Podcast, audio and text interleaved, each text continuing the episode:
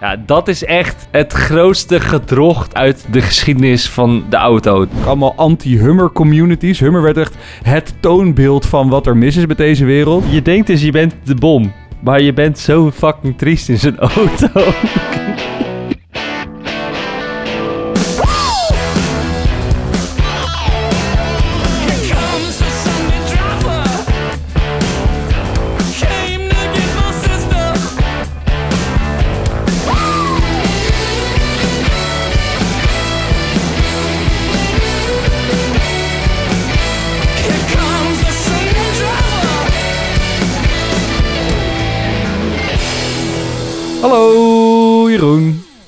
Hey Boris. En hallo alle lieve luisteraars bij alweer de twintigste aflevering van de Zondagsrijders. Serieus? Oh, Ja, gefeliciteerd. ja, welkom bij de Zondagsrijders podcast. De podcast waar Jeroen en ik, ik ben Boris, eh, jullie meenemen in alle automerken van Alfa tot Volvo. Op alfabetische volgorde, tenzij we er geen zin in hebben. Maar in principe proberen we dat gewoon aan te houden. Ja, inderdaad, alles. Ik bedoel, kijk, we gaan voor de dalletjes en de pieken, maar we gaan niet voor de niemendalletjes, hè? Nou, de niemendalletjes zijn juist leuk om te verkennen, toch? Die Hatsu is tot nu toe echt een van mijn favoriete afleveringen geweest. Ja, oké, ja, dat is wel echt wel mooi. Hoe, eh, hoe is het met jou, Boris? Ah, dit vraag ik altijd eerst aan jou. Hoe is het met mij? Op zich best goed. Ik was vorige week in Lissabon. Ik heb daar een weekje gewerkt met wat eh, collega's. Gewoon daar een Airbnb gehuurd en een beetje, nou, ja, ook wel wat gewerkt. Ook wel veel bier gedronken. Aantal interessante dingen. Ten eerste, ik kan gewoon niet zo goed meer vijf dagen achter elkaar bier drinken. Dat ging echt heel slecht. Vrijdag was echt niet best. Het is nu zondag, dus ik heb ook nog steeds... De, de, de- het echoot wel een beetje na. Ja. Daarnaast viel me op aan het wagenpark daar. Ik heb fucking veel vette Honda's gespot. Ik was natuurlijk met de Honda-aflevering in mijn achterhoofd daar een beetje aan het spotten. En toen dacht ik, dat is op zich ook wel logisch, want het regent daar natuurlijk nooit. Dus dan is het daar veel logischer om Japanse auto's te hebben. Want hier in Nederland roesten die allemaal weg. Ja. Ik heb heel veel vette oude, vooral vette oude Civicjes heb ik daar gezien. Oh. Daar houden ze daar echt van. En die bestaan hier gewoon niet meer, want die zijn allemaal weggeroest. Maar welke oude Civic, zeg maar de allereerste? Of eentje daarna? Ja, niet de aller allereerste. Gewoon die lekker uit de jaren 80, begin jaren 90. Ja, waar ook de Civic CRX op is gebaseerd. Exactly, exactly. Nou, dus dat vond ik leuk Ja. in Portugal. En ik ben dus een beetje, een beetje mude. Hmm. Maar goed, daar gaan we gewoon best Ja. van maken, joh. Komt goed. Eh, en daarnaast ben ik gisteren met mijn vriendin naar een autodealer gegaan. Nee. Want zij moet haar leaseauto inruilen. En dit was mijn eerste ervaring bij een soort van loesje autodealer.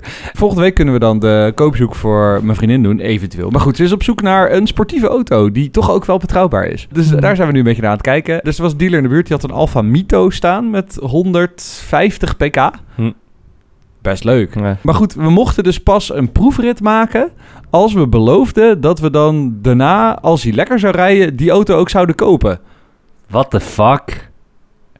Hoe, hoe, hè? Wat is het voor gelul, joh? Ja, dat dacht ik ook. Wat de fuck is dit voor onzin? Oh shit, hé. Maar even één ding over die Mito. Ik vind het best een mooi bakkie, maar ik kan dus niet tegen die achterlichten. Dat zijn twee van die mega grote, ronde, rode kijkers. En ik moet altijd denken aan een soort van... met bloed doorlopen ogen die je zo heel groot aankijken. Ja, dat. Oké. dat kan je ook niet meer ontzien als je het eenmaal gezien hebt. Nee, snap ik. Nee, ik, ik vind hem gewoon wel vet. Maar de andere optie ze overweegt, in Giulietta, dat lijkt me wel heel vet. Hoe is het met u, eh, Jeroen? Ja, ik ben ook een beetje brakjes. Ik was gisteren in een Ierse pub hier in Istanbul eh, rugby aan het kijken. En ze hadden Guinness op de tap. En dat is voor mij altijd een zwak punt in mijn leven. Dus ik heb heel veel Guinness gedronken. Heel veel. Maar dat is dat kutte aan die rugbywedstrijden. Die beginnen dan echt om vijf uur. En dan ga je wel gewoon tot aan het einde door. Dus dan zit je gewoon de hele dag te zuipen daar binnen.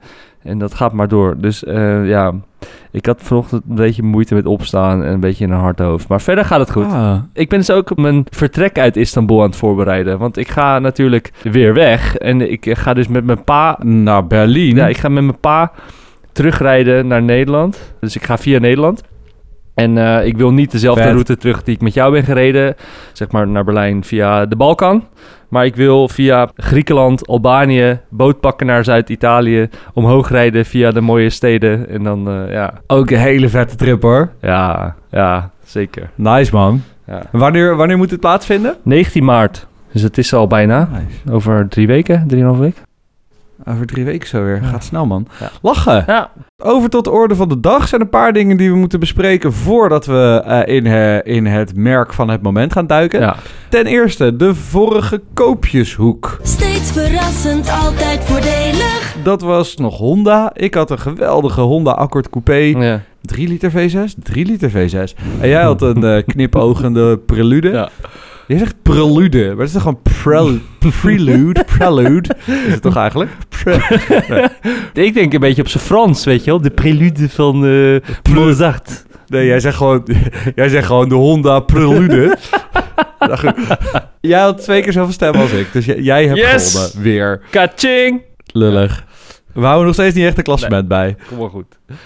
Oké, dus dat eh, ten eerste. En dan had ik nog iets. Wat we nog even moesten doen, Nou, maar dat weet ik niet nou, meer. We wilden eigenlijk zeggen Slava Oekraïne. Ja, dat is eigenlijk het enige. Ja, Jeroen gaat naar het front. Dit wordt super. Ja, volgende week geen podcast. Nee, zullen we dan maar overgaan tot de orde van de dag? Ja. Eh, met het nieuws. Let's go!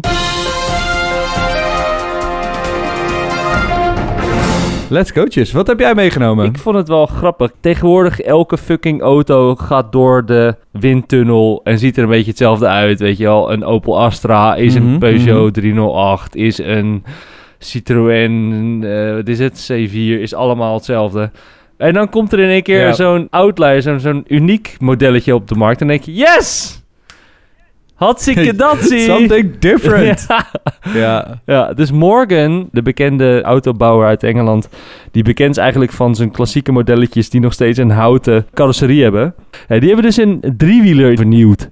Ik weet niet of je die wel eens gezien hebt, die vorige. Vet. Maar Ja. ja, totaal onlogisch natuurlijk, want waar- waarom zou je dit willen? Drie wielen, dus twee, twee wielen voor, één wiel achter. Maar het ziet er wel gruwelijk uit. En ik snap ook eigenlijk helemaal niet dat dit mag. Want als je kijkt naar die voorkant, geen bumper, geen plek voor het kenteken of zo. Dat je denkt van, hè, dit, eh, hoe, hoe werkt dit? Is het niet een motorfiets volgens de regelgeving? Is dat het, ja? Ja, weet ik niet. Ik heb geen idee. Mhm. Maar ik zie inderdaad geen kentekenplaat. Ik zie geen bumpers. Ik zie niet zo 1, 2, 3 knipperlichten. I don't know. Nee, volgens mij is het gewoon wel een auto hoor.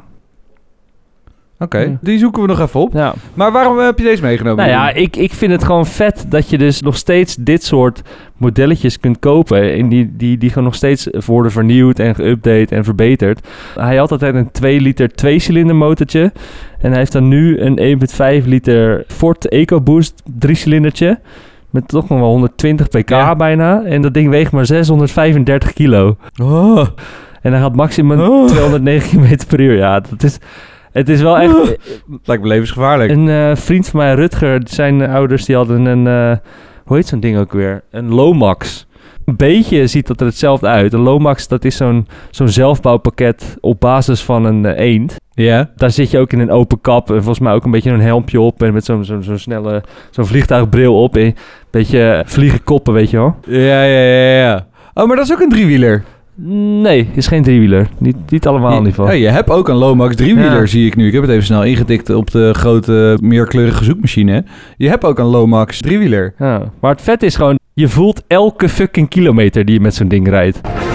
Mijn nieuwtje, ik zag dit langskomen. Het is natuurlijk eigenlijk geen nieuws. Maar ik, zoals ik zei, ik heb een week in Lissabon gezeten. Niet te veel geslapen, best wel bier gedronken. Mhm.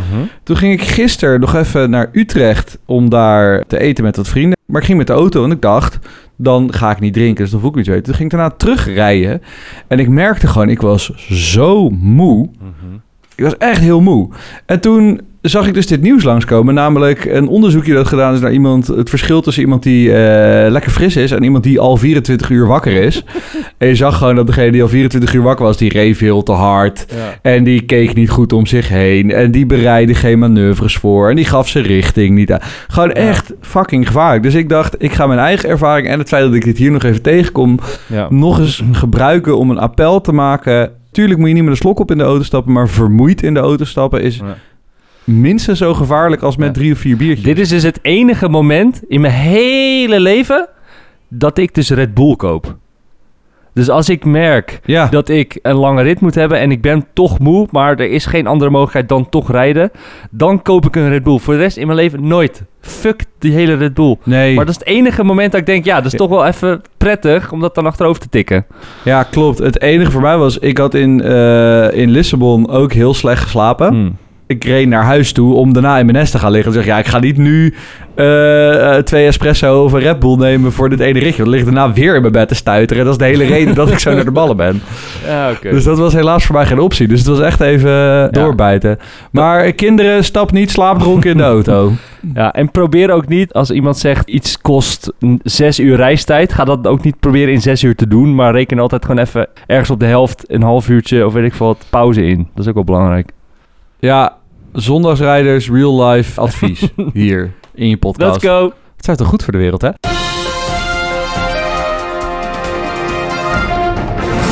Oké, dan door met... eh, Het merk van vandaag. Het merk. Het merk van vandaag. Waar gaan we het over hebben, Jeroen? Nou ja, eigenlijk had ik dus helemaal geen zin om een podcast te maken, want ik zit gewoon alleen maar Reddit Oekraïne te refreshen, want ik ben alleen maar bezig met oorlog in mijn hoofd. En toen bleek in één keer dat Ja. het merk van deze week Hummer is. Nou, exactly. kan niet beter dus eigenlijk. Wat heb jij met Hummers? Nou, er zijn eigenlijk twee dingen. Eh, ik zat te denken, wie ken ik die überhaupt een Hummer heeft gereden? En dat was dus in het dorp Hillegom. Ik zat op school in Lisse, op het Fioretti College. ja. En daar fietste ik altijd langs een villa, langs een jongen die ik kende. Ik weet even niet meer wat zijn naam is. Maar die had dus een, een villa, zijn vader was keukenboer. En hij reed dus in een Hummer H2. Oh, en dat was dus ook echt een beetje de show-off van het hele dorp, weet je wel. Die vader wilde gezien worden, hij wilde gezien worden. Die wilde gewoon dat iedereen wist dat ze geld hadden. Maar, mhm. ja, die Hummer H2 is natuurlijk zo zwaar. Die pa, dat is natuurlijk ook wel een beetje een gewiekste zakenman. Hij had hem dus op een grijs kenteken laten zetten. Ja, ja, ja. dus hij had een B-kenteken, geloof ik, is dat dan toch? Ik heb geen Ja. idee. Ik weet niet hoe dat werkt. grijs kenteken. Dus dan rij je zeg maar zo'n auto om een soort van te laten zien hoeveel geld je hebt. En dan ga je dat op zo'n manier rijden dat het dan dus een busje is. Ja, En dat je er dus heel veel geld mee bespaart. maar dat is toch net als met al die gasten die nu zo'n Ford F-150 hebben... of zo'n Dodge, eh, zo'n Ram van. Ja. Die zie je tegenwoordig heel veel. Omdat je die dus door allerlei belastingmazen in de Ja. wet... kan je die dus ook als op grijs kenteken rijden. ja, ja, ja, ja. Nou, dat, dat dus. Ik kende een jongen best wel goed. Die reed er een, of zijn vader reed er een. En dat, dat heb- zal ik dus altijd mee associëren. En Mhm. Toen wij opgroeiden, was de meest irritante persoon op televisie Emiel Ratelband. Tjaka! En dat zeggen we dus gewoon dan? En die had een Hummer? Ja, ik ging altijd weekendjes Oh. bij een vriend van mij, Rutger, ging ik eh, eh, op eh, logeren toen ik, nou ja, voordat we nog sopen. En dat was in de buurt van Arnhem. En daar woonde ook Emiel Ratenband. En die had daar een villa. Daar stond best wel vaak zijn Hummer voor de deur. En die had zo'n H1. Dus dat zou ik altijd herinneren. My god. Oké. Het was echt een van de eerste PC-hoofdtrekkers eigenlijk. Denk ik. Nog voor... niet nog- echt, toch? Nee? Het is, nou ja, nou, gaan we het Ja. zo over hebben, denk ik. Gaan we het zo over hebben. Jij dan? Op de weg terug van de Lucia autodealer stond er achter ons een hele grote Ram van. Ja. Gewoon heel veel gas te geven en, en op te trekken omdat wij te traag waren. En toen zei ik tegen mijn jezus, wat een proleet. Ja. En toen kregen we nog een soort ruzie omdat ik het woord proleet gebruik. Maar als je mij vraagt, wat, wat vind jij van Hummer? Dan zijn er toch weinig auto's die zo hard schreeuwen, ik ben een proleet. Ja, maar welke? Als in Nederland... Ja, gewoon maakt niet uit. In Nederland in een Hummer rijden, dan ben je gewoon meteen boem, proleet. Succes. Ja. Zal ik eens beginnen met de geschiedenis van het merk? Ja, kom maar op.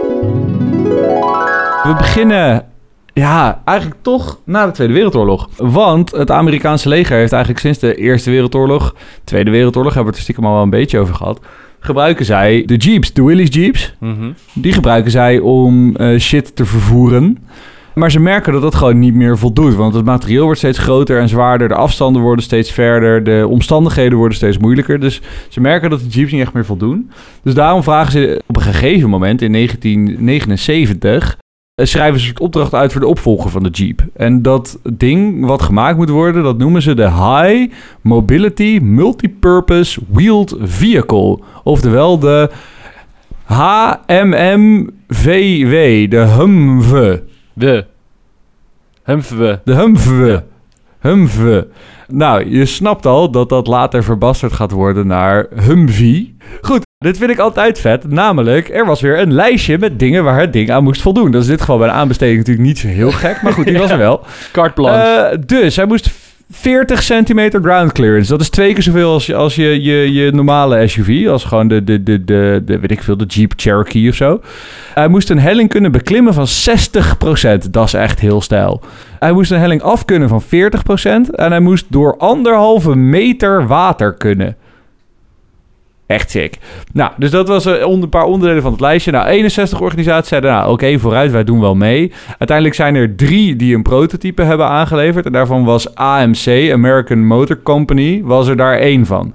Ik dacht, AMC, ik dacht, dat was weer een van die... Ik had geen idee, dus ik heb het heel even nagezocht. Nou, die hebben weinig geproduceerd wat we kennen, behalve de AMC. ja, dat, dat, dat hele lelijke dingetje. De Pacer! De Pacer, ja. Oh. Ja, de AMC Pacer. Nou, dus Mooi van lelijkheid. Precies, nou goed, een onderdeel van AMC, namelijk AM General, die krijgt uiteindelijk het contract nadat hun prototype en de twee andere prototypes die zijn aangeleverd, een miljoen kilometer zijn getest. Die zijn dus door het Amerikaanse leger onderworpen aan allerlei tests. Dat was bij elkaar een miljoen kilometer aan testkilometers. En uiteindelijk gaan ze dus 100.000 Humvees bouwen. Echt vet. Ja. Nou goed, die Humvees worden voor het eerst ingezet in 1989 bij de inval van Panama. Ik weet niet echt precies waarom ze dat deden, maar dat hebben ze gedaan. Ja, lekker actueel allemaal. Ja. Het was vooral transport, dus niet als gevechtseenheid. Hij had ook geen armor. Dat, wa- daar was het ook helemaal niet voor bedoeld. Dat is gewoon mensen en spullen van A naar B krijgen. En dat ging best wel goed. Alleen op een gegeven moment, in latere oorlogen, bijvoorbeeld in Somalië, Mogadishu 1993, toen kwam hij veel meer in een soort urban guerrilla setting terecht, waarin ze dus ook heel veel vuur vingen. Dus daar werd ik echt op geschoten. En dat is eigenlijk helemaal niet waar dat ding voor bedoeld was. Dus tegen dit soort guerrilla-achtige oorlogen, dat ging eigenlijk helemaal niet. Dus toen hebben ze een bepanserde versie gemaakt van de Humvee. Een paar jaar later hebben ze dat ding dus ook naar Afghanistan gestuurd. Nou, dat ging in de eerste paar jaar best wel goed. Sterker nog, dat ding was echt de king of the world daar. Al die Amerikanen die pleurden ook alle deuren en ramen en whatever eruit. Want dan was het lichter. Eruit, ja, het lichter. Dan konden ze harder en verder. Totdat de Afghanen bedachten... hey, wat wij gaan doen is improvised explosive devices. Oftewel bermbommen. Ja, daar kon de Humvee niet zo goed tegen. Dus toen hebben ze gedacht, oh, dan maken we meer bepansering. Wordt hij nog zwaarder. Was hij ook niet voor gemaakt. Toen dachten ze, dan zetten we een soort gun bovenop. Dan werd hij soort van topzwaar. Er zijn ook best wel veel om, gewoon omgevallen. Dus dat, dat werkte gewoon niet meer. Ik weet wel, mijn, mijn broer die is ook naar Afghanistan, eh, eh, hoe zeg je dat? Die is op uitzending geweest. Uitgezonden. En die zei ook van dat, dat, dat Sick. waren gewoon echt zo gevaarlijk. Want als jij inderdaad op een bom rijdt en als je, je hebt een platte onderkant, dus al die energie gaat gewoon recht Ja. omhoog. Dat wordt niet naar buiten gedreven. De opvolgers, die nieuwe, hebben al een, een V-vorm. Precies, de nieuwe is, dat waren de M-RAPs. Dus de Mine Resistant Ambush Protected. Nou, dat zegt Ja. ook wel waar die dingen voor gebouwd Ja. zijn. En dat zijn dus eigenlijk de opvolgers van de Humvees. En die zijn dus inderdaad, die hebben zo'n V-vorm aan de onderkant. Met gewoon, weet ik veel, 3 centimeter, 4 centimeter gehard staal. Zodat die energie van die ontploffing naar de buitenkant wordt geleid. Zal ik het nog eens erger maken? Kast die heeft ook in busjes gereden, of ik weet niet meer wat voor soort machines dat waren. Maar die waren daar ook niet op berekend. Ja. Zij ging op een gegeven moment op flesjes water zitten. Om Ja. maar te zorgen dat dan die schok wel beter opgevangen zou worden. Dus die zaten op flesjes water in hun Nederlandse busjes. In Nederlandse jeeps. Does that, does that help? ja, nou ja. Je doet maar wat. Goed. Ik pak hem even door, want we zijn er natuurlijk nog niet. Want de Humvees zijn nu uitgerangeerd. Inmiddels, na de oorlog in Afghanistan en Irak. Golfoorlog zijn ze ook nog geweest. Maar ondertussen hebben die natuurlijk wel gewoon tientallen jaren... was dit het beeld van Amerika in oorlog. Dus die werden ook veel gebruikt voor parades in Amerika zelf. En dat is waar een ja, vrij toonaangevende acteur en later eh, governor een parade Humvees zag langsrijden tijdens het opnemen van zijn film Kindergarten Cop. ja. En die zei toen, I want one. I'll be back. I'll be back. het was inderdaad Arnold Schwarzenegger. Die zag zo'n parade en die dacht, ja verdomme, ik moet gewoon zo'n ding hebben. En dit was in juni 1990. En in 92 werd al de eerste Hummer H1 gelanceerd. Ja, ik zal dat even een beetje delen, maar er is dus een geweldig filmpje... waarin hij de sleutels krijgt van zijn Hummer H1... En dan moet hij nog een paar Terminator lines droppen. En dan staan allemaal geweldige mensen in van die heerlijke jaren 90 kleding heel hard te klappen. Echt een prachtig tijdsbeeld. Ik heb het film gezien. Het was bijna een beetje zo'n soort onthullings-event van Tesla. Weet je wel? Van, eh, van Elon Musk. Ja. Die dan zijn nieuwe Model 3 aan, eh, aan, het, aan de wereld eh, presenteert. Precies, Ja. precies, maar dan met een Hummer, een Hummer H1. Ja. ja, ik heb hier opgeschreven feitelijk een Humvee met airbags, maar dat was het dus niet, zeg jij, maar wel een Humvee met, eh, ja, met, met knipperlichten en een nummerbord Ja. en seatbelts. Ja, en iets comfortabele stoelen. Want de originele Humvee, dat zijn gewoon een soort van twee stukjes schuim op een plaatje geplakt. Ja. Dat zijn de stoelen. Zoek het maar uit. Oké, oké, oké. Maar goed, dus in 1992 hadden we inderdaad de Hummer H1. Die was er. En dat ging eigenlijk best lekker. Maar het ging vooral lekker toen General Motors het merk overnam van AM General. En die gingen echt lekker pompen in 1999. Dat was ook de opkomst van eh, de term metroseksuelen. Eh, en daardoor ontstond er een soort strijd om je mannelijkheid in Amerika. Dat kwam toen heel erg kwam dat op. En daar zijn ze toen met Hummer volle bak op in gaan zetten. Dus bijvoorbeeld iemand die stond, was een reclame van iemand die stond in de rij van de supermarkt. Achter een vent die heel veel barbecue vlees bestelde. En zelf had hij een mandje vol met tofu. En toen zag hij bij de kassa een magazine met daarop een advertentie voor een Hummer. En toen is hij snel naar de Hummer dealer gerend om daar een Hummer te kopen. En de slogan was iets als Restore the Balance. Echt, Oh. echt verschrikkelijk. echt mannelijk. Meer voor mannen. Meer voor mannen. Mannen. Goed, de- daarna, in 1999, vlak daarna was natuurlijk 9-11. Dus toen werden die Hummers weer op pad gestuurd. Die moesten allemaal weer de zandbak in. Toen werd het ook een soort patriotism om een Hummer te hebben. Dat was heel vet als je daar een Hummer had. Je kan toch maar beter boodschappen doen in een Hummer. Hey Barry, kan je dat betalen dan? Eh, Straks kan ik het wel betalen, ja. Zonder hummer is het leven maar een bum, maar zonder hummer ben je niets. Dus ik rij je van je fiets. Moet je maar kijken. En toen kwam dus ook de H2 uit. Die maakte het allemaal iets praktischer en iets toegankelijker. Ja, en wat volgens mij wat ook al was met die H2 is dat mensen voelden zich ook wat veiliger. Want terroristen kwamen naar Amerika. Ja, dan zit je toch wel wat veiliger hoog en droog in zo'n H2. Ja. En die was ook wat betaalbaarder. Dat was niet gemaakt als legervoertuig. Nou goed, dat was iets beter. Nou, toen hebben ze op een gegeven moment nog de H3 uitgebracht. Die laat ik even voor wat het is. Want in 2008, 2009 gaat GM failliet. Ja, en oliecrisis. En het opkomst van environmentalism. Dat ook allemaal anti-Hummer communities. Hummer werd echt het toonbeeld van wat er mis is met deze wereld. Er waren allemaal Hummers, gewoon collectieven die Hummer dealers gingen aanvallen en zo. Het was echt best wel sick. Goed, dus toen was Jam failliet, Hummer failliet. Ze hebben het nog geprobeerd te verkopen aan Chinezen, dat is uiteindelijk niet doorgegaan. Dus toen was Hummer eigenlijk failliet. Daarna zijn er nog een paar dingen gebeurd wat ik helemaal niet wist. Namelijk in 2014. Maar één ding, hè. Want GM is failliet, zeg je. Maar het bestaat gewoon nog weer, toch? Het is helemaal niet failliet. Ja, die hebben gewoon een soort doorstart gemaakt. Maar die zijn toen wel even... ver- Maar waarom Hummer dan niet? Nou, Hummer is toen gewoon gestopt als onderdeel van het faillissement. Is gezegd, nou, dat zijn waarschijnlijk voorwaarden die je moet hebben om zo'n faillissement überhaupt goedgekeurd, zo'n doorstart goedgekeurd te krijgen. Goed, anyhow, GM failliet. Maar in 2014 hadden ze dus al die Humvees over, want die werden niet meer gebruikt in het leger. Toen hebben ze die toch aan het publiek verkocht. Wauw. Dus er zijn gewoon in 2014 nog Humvees, 4000 Humvees aan particulieren verkocht. Wauw. Fucking vet. En kon je voor 20k of zo kon je een Humvee kopen. Maar dat waren toch ook militaire Humvees? ja, ja, ja, ja. ja, ja. Dus ook echt, ook echt H1's, toch? Ja. Ja, H1's. Ja. Humvees, niet Hummers, Humvees. ja, ja, ja. Ja, heel vet. Nou, die hebben we. En dan hebben we in 2017 kwam ik nog iets tegen. Toen werd er namelijk aangekondigd dat AM General, die had nog een paar van die, van die, van die dingen liggen. Eh, die had een contract gesloten met VLF. En die kennen we nog, VLF Automotive. Want die hebben ook een van die varianten op de Viper gemaakt. Dat is de V van Villarreal, die kennen we niet. De L van Bob Lutz. Oh, en ja. de F van Fisker. En die hebben toen die bouwpakketten die AM General nog had liggen, die hebben ze geproduceerd. Dus toen hebben ze nog een kleine serie van nieuwe Humvees gemaakt. En die ook weer verkocht. Nou, en dat brengt ons bij vandaag de dag. Want je ziet, trucks gaan weer super lekker. EV's gaan hard. Er worden met Rivian en de Cybertruck worden gewoon hele grote, lompe elektrische trucks gebouwd. Ja, Hummer is back, bitches. Mhm. Ze gaan gewoon weer. Dus, dus ze hebben, recentelijk hebben ze de nieuwe Hummer EV, wat dus eigenlijk een GMC is. eh, de GMC Hubber EV. Eh, die hebben ze nu gelanceerd. En die deelt zijn platform met de Escalade en de Silverado. En hij is weer groter en lomper dan ooit. Maar daar zullen we het zo over hebben. Hmm. Who would have thought? Ja, wie had dat gedacht, hè? Ja, thanks Boris. Een eh, overzichtelijk overzicht. Ja, dat is wel de bedoeling van een overzicht, dat het overzichtelijk is. Waarom? Zeg mij waarom. Jeroen, heb ik nog eh, le- leuke, leuke weetjes gemist? Ja, Nou. Boris. Ja. Je zei het al een beetje dat op een gegeven moment de Amerikaanse overheid een soort van wedstrijd uit had geschreven, een, een tender uitgeschreven voor de productie, voor het ontwerp van die Hummers. Zeker. Weet je dat een van de bedrijven die daar deel heeft genomen, dat was Mhm. Lamborghini. Nee joh. De oudere mensen weten het denk ik wel, maar Lamborghini heeft jaren geleden, in de jaren 80, de LM002.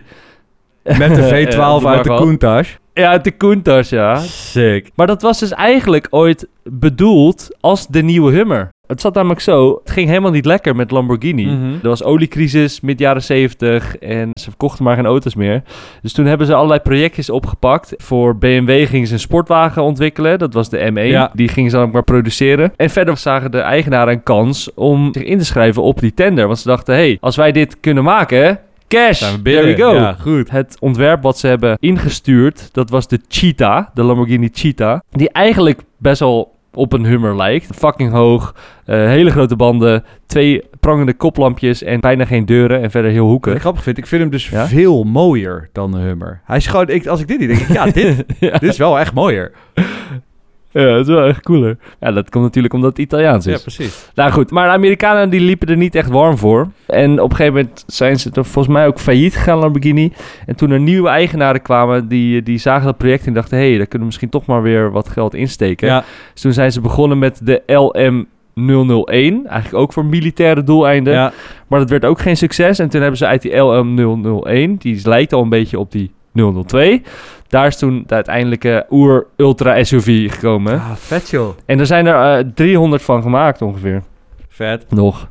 Ja, vet toch? Ja, het is wel sick, hè? Er zijn dus 300 LM002's gemaakt. Er zijn 100.000 Humvees gemaakt. Dat ook de Hummers nog niet eens mee. Sick. Oké, Jeroen. What, maar- ja, dat. what else?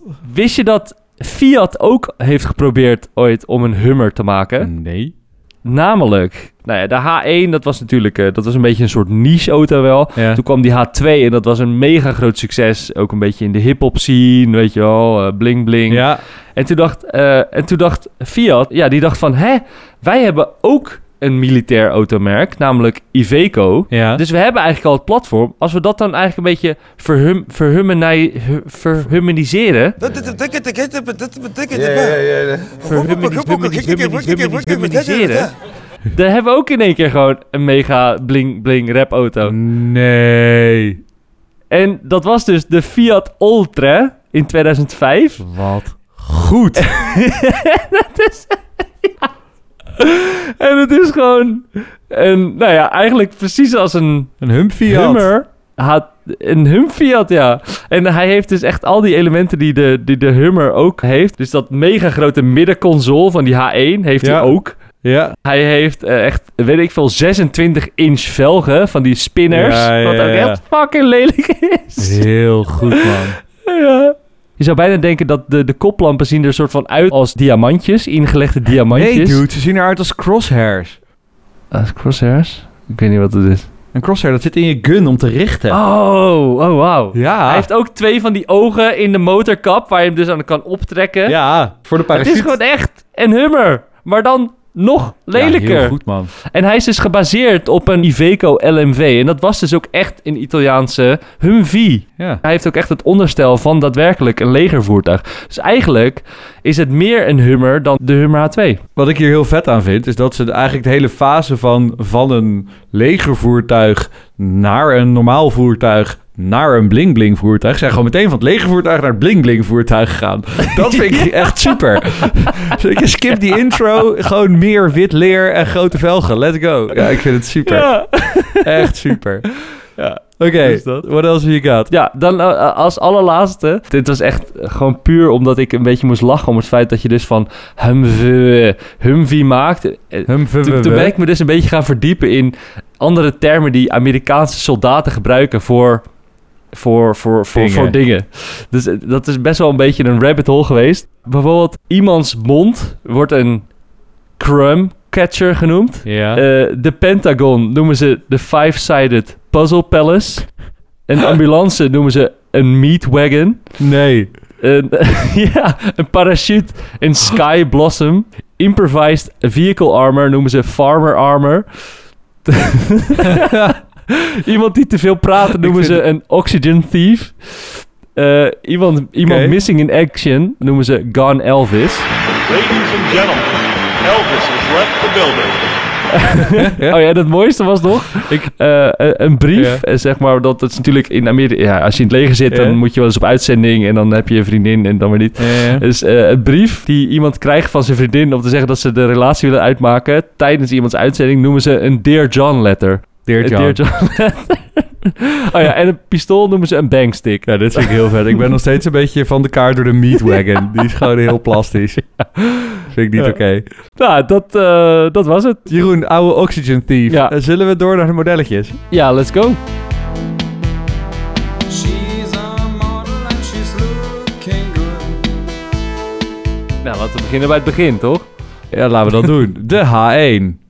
Zoals we zeiden, dat is gewoon het legervoertuig. Ja. Maar dan met iets luxere stoelen. Ja. Eh, wat ik altijd een schitterende statistiek vind van die H1. Die liep dus 1 op 2. ja. ja moet je, maar dat is 1 op 2 als hij gewoon over de openbare weg gaat. Maar als hij 60% omhoog gaat, dan rijdt hij denk ik 4 op 1. ja, echt vet. Er zijn dus een paar modellen die hebben twee tanks. Dus gewoon twee... Ze hebben bijna allemaal twee tanks. 190, 190 liter. Gaat Ja, erin. dan kan je net op eh, heen en weer naar de supermarkt, denk ik. Ja, precies, precies, precies. Ja, ja, dit, was, dit was gewoon een vet ding. Hij kon zijn banden oppompen en leeg laten lopen van binnenuit. Ja. Hij had van die haken waar je inderdaad aan een parachute kon ophangen. Ik heb even gekeken.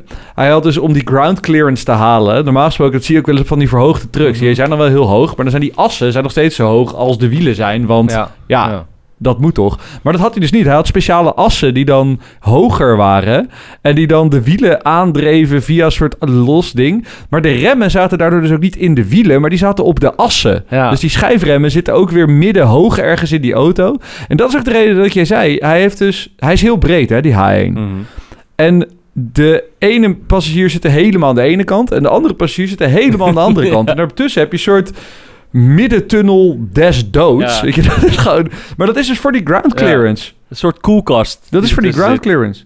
Ja, ja, ja, ja, maar je zou denken dat ding is breder dan een, dan een, dan een, Mm. zeg maar is anderhalf keer zo breed als mijn Audi A2. Misschien wel twee keer zo breed. Maar je zit dus nog steeds best wel krap. Ja, heel krap. Omdat je dus die, die, die middentunnel des doods erin hebt Ja. zitten. Maar dat is dus allemaal voor die ground clearance. Dus al die, al, er zitten gewoon allemaal onderdelen die ze daarvoor gewoon voor nodig hadden. Ja. En het is wel mooi, ik zat te kijken, bij de civiele versie van die auto hebben ze dus achter, want achter Ja. heb je ook maar twee hele krappe stoeltjes, hebben ze dus, Ja. bij sommigen hebben ze een bank op dat middendeel gemaakt. Dus dan, dan zit je dus op een bank, fucking hoog. Je kan niet met je hoofd zitten. Dan je dus met z'n zessen ding. op twee verschillende hoogtes zit je daar achterin. Ja, dat slaat helemaal nergens op. Ja. Ja, en verder, Ja. eh, wat ook wel mooi was, de H1 klopt ook voor gereed. Want hij heeft dus een zonneklep, maar die zonneklep kan niet de hele breedte van het raam beslaan. Ze heeft een soort van een uitschuif elementje aan de linkerkant, zodat hij dat dan ook wel kan halen. Ja. Hij heeft een zonneklep op zijn zonneklep, om te zorgen dat hij echt daadwerkelijk het hele, het hele, de hele voorkant afdekt. Het is echt een soort uitklap-inklap zonneklep. Dat staat ook nergens op. Hij heeft toch ook iets van vijf ruitenwissertjes. Omdat, het, omdat die Ja. uit zo fucking breed is. Dat, je, dat dat ook allemaal niet werkt. De elektrische ramen, daar heeft zowel de passagier als de chauffeur heeft daar dezelfde knoppen voor. Omdat ze dus zo ver van elkaar af zitten, moesten ze de knoppen twee keer doen. Ja.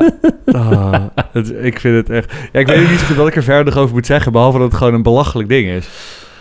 Ja, het is een belachelijk ding, maar ik zat te kijken. Ja, ik vind hem best wel vet. Kijk, het is dat het gewoon helemaal niet klopt. Ja. Tuurlijk is hij vet. Hij is gewoon larger than life. Hij is fucking cool. Oh ja, en dan laatste over die A1 nog één. A- AM General heet het toch? AM General? Ja, die wilde dus ook die H1 verkopen aan de Chinezen. Eh, dus eind Ja. jaren 80 eh, gingen ze naar China met dat ding. Maar de Chinezen wilden hem niet. Maar ze zeiden, ja, oké, we laten hem gewoon hier staan. Mocht je nog bedenken, dan staat hij hier. en toen, maar toen zagen, op een gegeven moment zagen de Chinezen zagen die Hummer op tv. Door die Operation Desert Storm, weet je wel, die Irak-oorlog. Dachten ze, Ja, ze, oh, eigenlijk toch wel een vet ding. Dus toen hebben ze dat prototype, wat die Amerikanen mee hadden genomen, hebben ze gewoon gereverse engineerd. Dus gewoon helemaal uit elkaar gehaald. En toen hebben ze daar Alles ja, nagemaakt. hebben ze daar een Chinese versie van gemaakt. Dus nu heb je de Dongfeng Hanma, ofwel de Dongfeng Crazy Soldier. En die, eh, Ah, vet. die wordt daar gewoon... Ja, is gewoon 95% Hummer H1. Oké, die H1, dat is gewoon wel een klassieker. Ja, eens. Als je die nu koopt, dat is gewoon echt een mega klassieker. Ja. Daar moet je ook niet meer rijden, want dat gaat je veel geld kosten. Maar die zet je gewoon in je tuin. Goh. Ja, 2 euro per liter. Dan de H2. Ja. Ja, dat is echt het grootste gedrocht uit de geschiedenis van de auto, denk ik. Maar als je dus een H1 Ja. hebt en dat je dan denkt van... oké, we maken er een soort van beschaafdere versie van... en dan kom je met zoiets als de H2... die totaal eigenlijk geen off-road kwaliteiten meer heeft. Nou, dat is niet helemaal waar. Hij had nog best wel oké off-road capabilities. Dat ging op zich nog wel goed. Maar voor de rest, het was allemaal styling. Ja, Eigenlijk. Heel veel daarvan was. Ja. De H1, die had van die, van die stalen bars waar je haken aan kon. En dan kon je hem Ja. aan een parachute het vliegtuig uitflikkeren. Die H2, die had ook stalen bars, maar die zaten gewoon op de motorkap geschroefd. Ja, en die A2 had ook, hij had ook best wel een goede ground clearance, maar dat, dat werd dus teniet gedaan door de, de, de treeplank aan de onderkant. dus dan heb je zoveel moeite gedaan. Die Die, had zit Ja. er standaard op. Ah. ja, echt een verschrikkelijk ding. Ja, voor mij was de H2, het summum van de H2 was ook... Er is een South Park aflevering geweest, ik weet niet of je die gezien hebt. Dat ging over, eh, de, ging over de verkiezingen met Obama. En Cartman wilde niet dat Obama de verkiezingen zou winnen. Het was een soort van...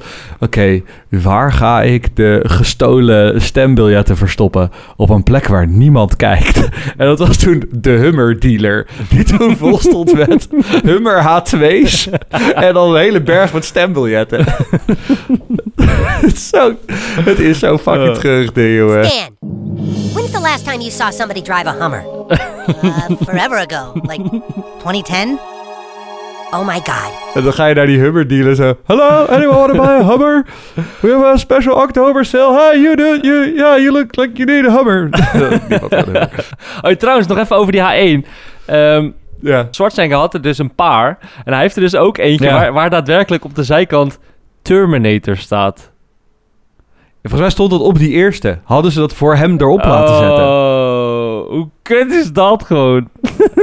Ja, heel erg. Echt heel erg. Ja, en hij had dus Oké. ook de eerste elektrische H1. Nee, volgens mij heeft hij een H2 laten con- Nee, nee, nee, converten. H1. H1. Een H1? Ja, in 2017 heeft een Oostenrijks bedrijf, Kreisel heet het volgens Ja. mij, die hebben voor hem hebben ze een eh, elektrische variant gemaakt van die, eh, van die H1. En, eh, en die had ook Vet. nog wel een rijkwijde, of weet het, een actieradius van 300 kilometer. Range. Dus best een range van 300 kilometer. H3. Moeten we daar nog iets over zeggen? Of is dat gewoon een soort styling oefening? Ja, H3. het- op zich, eh, eh, vanuit de H2 best wel een logische stap, denk ik. Van gewoon een kleiner modelletje. Maar het wordt wel nog minder, zeg maar, de ziel van Hummer, lijkt mij. Toch? Ja. Het wordt gewoon een inwisselbaar dingetje. Ik heb er verder ook eigenlijk heel weinig over te zeggen. ik vind de H1 vind ik vet, vet om wat het is. Ja. Ik vind de H2... Weet je, daar kan ik nog met enthousiasme vertellen hoe kut ik hem vind. De H3 denk ik, ja, het zal ook allemaal wel. Ja. Oké, dan moeten we denk ik nog even over de Hummer, eh, de Hummer EV hebben.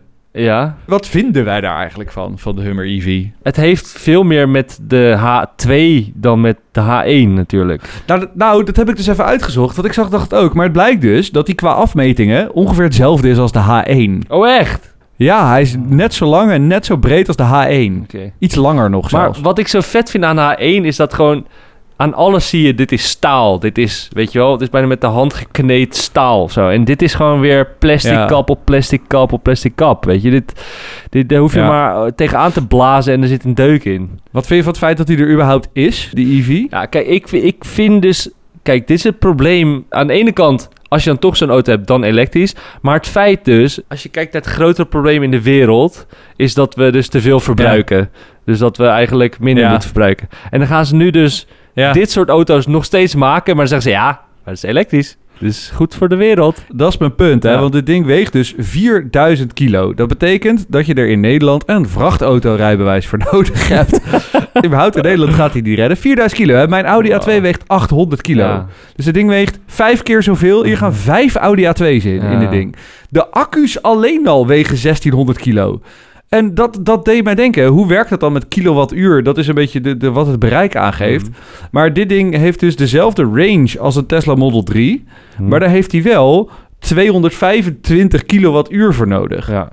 Die Tesla Model 3 heeft daar maar 75 kilowattuur voor nodig. Dus dit ding verbruikt gewoon drie keer zoveel kilowatturen, wat ik nog steeds niet snap. Maar hij gebruikt drie keer zoveel kilowatturen als Ja. een Tesla. Dan denk ik, ja, dit slaat toch helemaal nergens op? Maar eh, ik wil wel één feature nog even uitlichten van die eh EV. Hij heeft dus de crab walk functie. Daar hadden we het volgens mij vorige keer over met de Honda Pre Ja. Honda Prelude. De pre- De prelude. het. prelude. De Prelude, ja.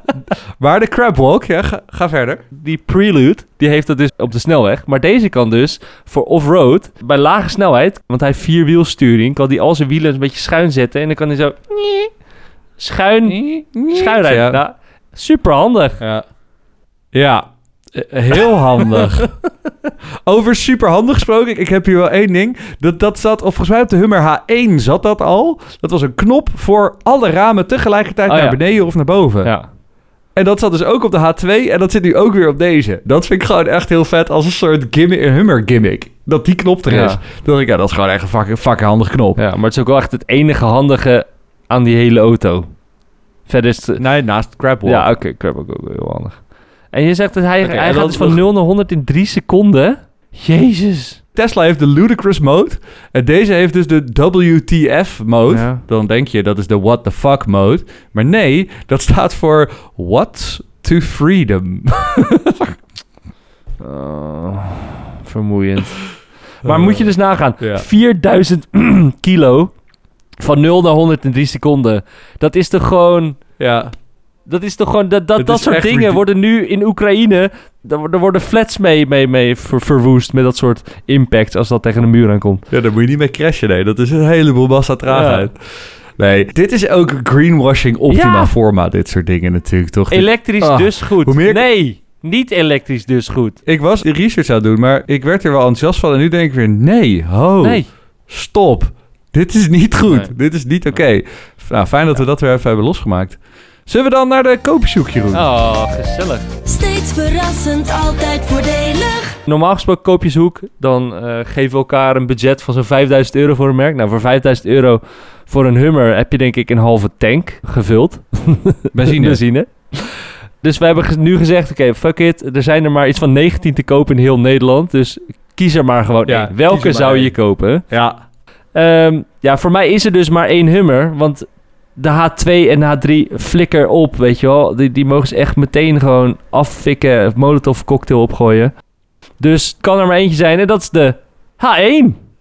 Dus ik heb een hele mooie H1 Station Wagon versie gevonden. Ja. Voor 78.500 euro. Uit 97. Het weegt maar 3200 kilo.